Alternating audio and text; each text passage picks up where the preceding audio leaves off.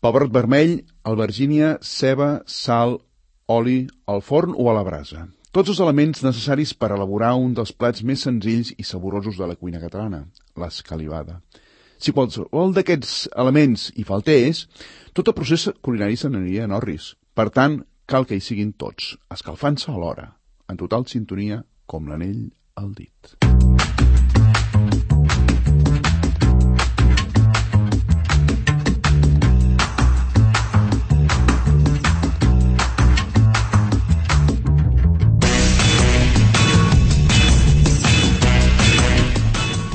Al podcast d'avui sabrem quina és la paraula catalana més llarga. Escoltarem una bonica cançó d'Oques Grasses, us recomanarem la lectura d'una novel·la de Roc Casagran, entrevistarem un francès que aprèn català des de la seva botiga i moltes coses més. Som-hi! Sabies que... Les dues paraules més llargues en català tenen 22 lletres cadascuna? Naturalment, les voleu saber? Preparats? Són les paraules anticonstitucionalment i tetrabromofluorosaïna. I n'hi ha una tercera, tetraclorobenzoquinona.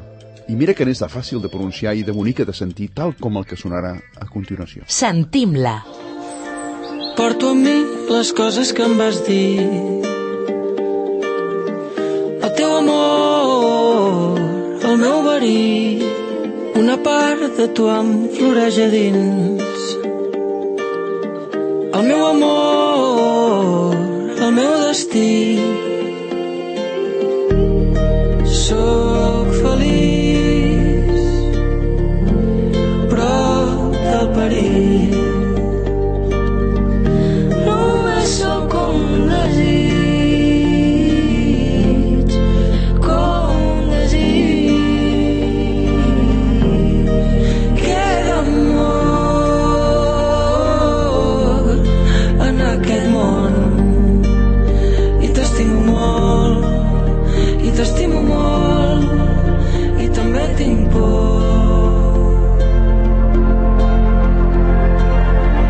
Sempre porto un tros d'ahir. Aquesta única cançó que escolteu en aquests moments es diu La gent que estimo, del grup usonenc Oques Grasses.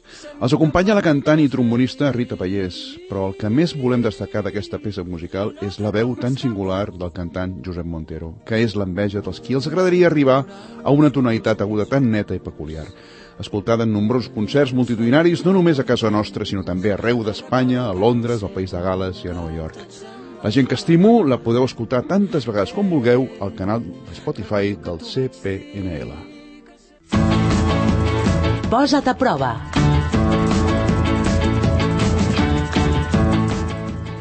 I ara arriba el moment de posar a prova el nostre enginy lingüístic. Un cop més, l'Albert i la Mar em passen un sobre amb la pregunta següent. A veure... Mm, Què diu aquí? Eh, diu el següent. Saps com es diu la sabatilla de dansa lleugera, normalment recoberta de setí, escotada amb la sola prima i la punta rígida i reforçada, que se subjecta amb dues cintes encreuades al turmell, utilitzada habitualment en rols femenins? Opció A. Sabatilla de punta. Opció B. Sabatilla de punteta. Mm. Aquí hi ha un petit matís en el sufix. Ho tinc a la punta de la llengua. Pot ser l'opció... No ho sé. Potser l'opció A?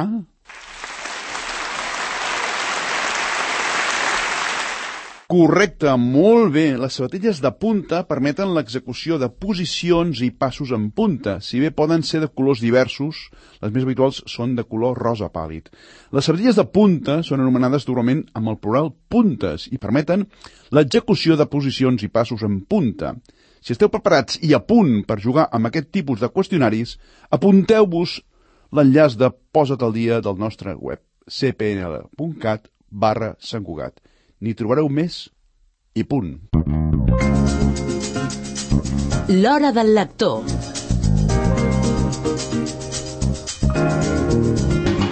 El llibre que us recomanem en el podcast de febrer es titula Ara que estem junts, una novel·la de l'escriptor sabadellenc Roc Casagran que explica la separació de dos germans bessons per la Guerra Civil. Una mirada diferent sobre l'exili i la vida al camp de refugiats d'Argelers. Us llegiré la primera i la darrera frase del llibre.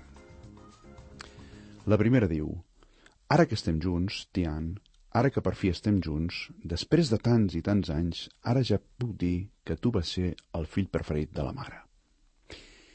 I la darrera frase diu I ara que estem junts, m'he adonat que mai no ho hem deixat d'estar. Un petó del teu germà, Tòfol. No t'equivoquis. Om... Que t'has aficionat al ioga, Albert. Doncs sí, sí, d'alguna manera he de combatre l'estrès laboral. No? Ja està, ja he rebut. No, Clar. doncs gaire relaxat no et veig. Mm, potser si en comptes de seure al terra fred fas servir una... Una- una, una d'això, què? una... Una esterilla? Per fer exercici... No, una estora. Això, sí, volia, he dit esteria, però volia dir estora o màrfega. Correcte, perquè per fer exercicis que impliquin un contacte del cos amb el terra sempre és més prudent i més agradable Sobretot, sí. fer-los a sobre una espuma prima i flonja que esmorteixi els impactes i d'això en diem estora o màrfega. Això em recorda com quan anem d'acampades amb el foc i la guitarra. Cumballà, Déu meu, cumballà. Bé, tots tenim un passat del qual ens podem sentir orgullosos, per què no? Així doncs, visca les màrfegues i visca les estores. L'entrevista.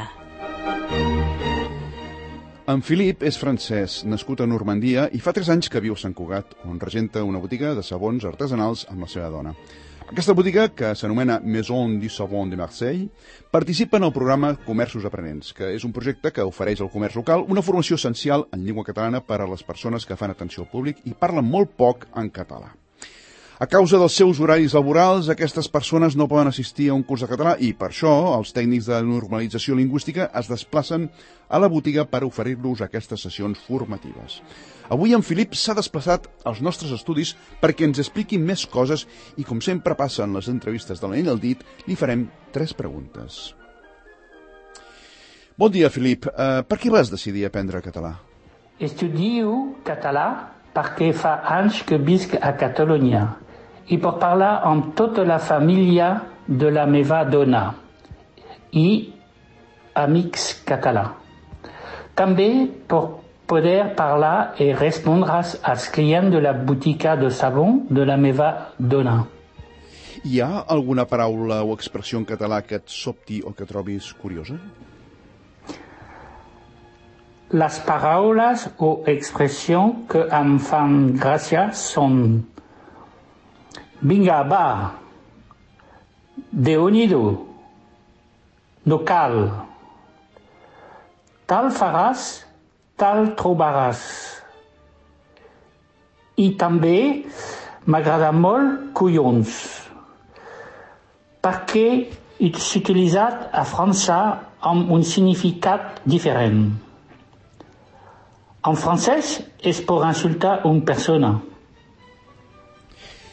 Quines són les dues o tres paraules o expressions catalanes que has trobat que s'assemblen força al francès? Sí, hi ha algunes paraules català que han recordat al francès, com fenestra, que diu en francès és fenêtre, música, music, crema, crème, persona, personne, formatge, fromage, sabon, savon, el color blau, bleu. Moltes gràcies, Filip, i esperem que continuïs aprenent i practicant aquest magnífic català que tens. L'onomatopeia del dia.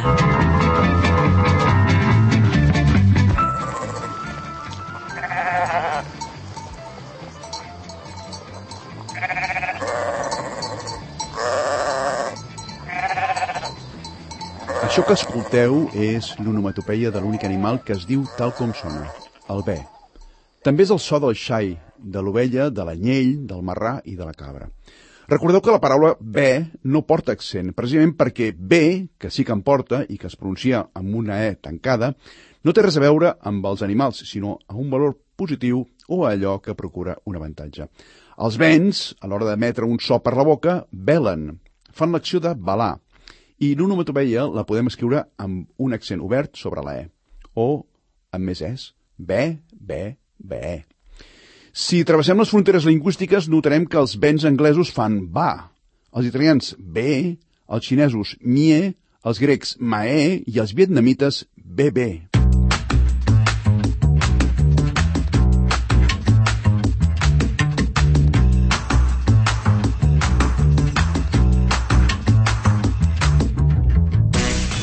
Molt bé, perdó, molt bé.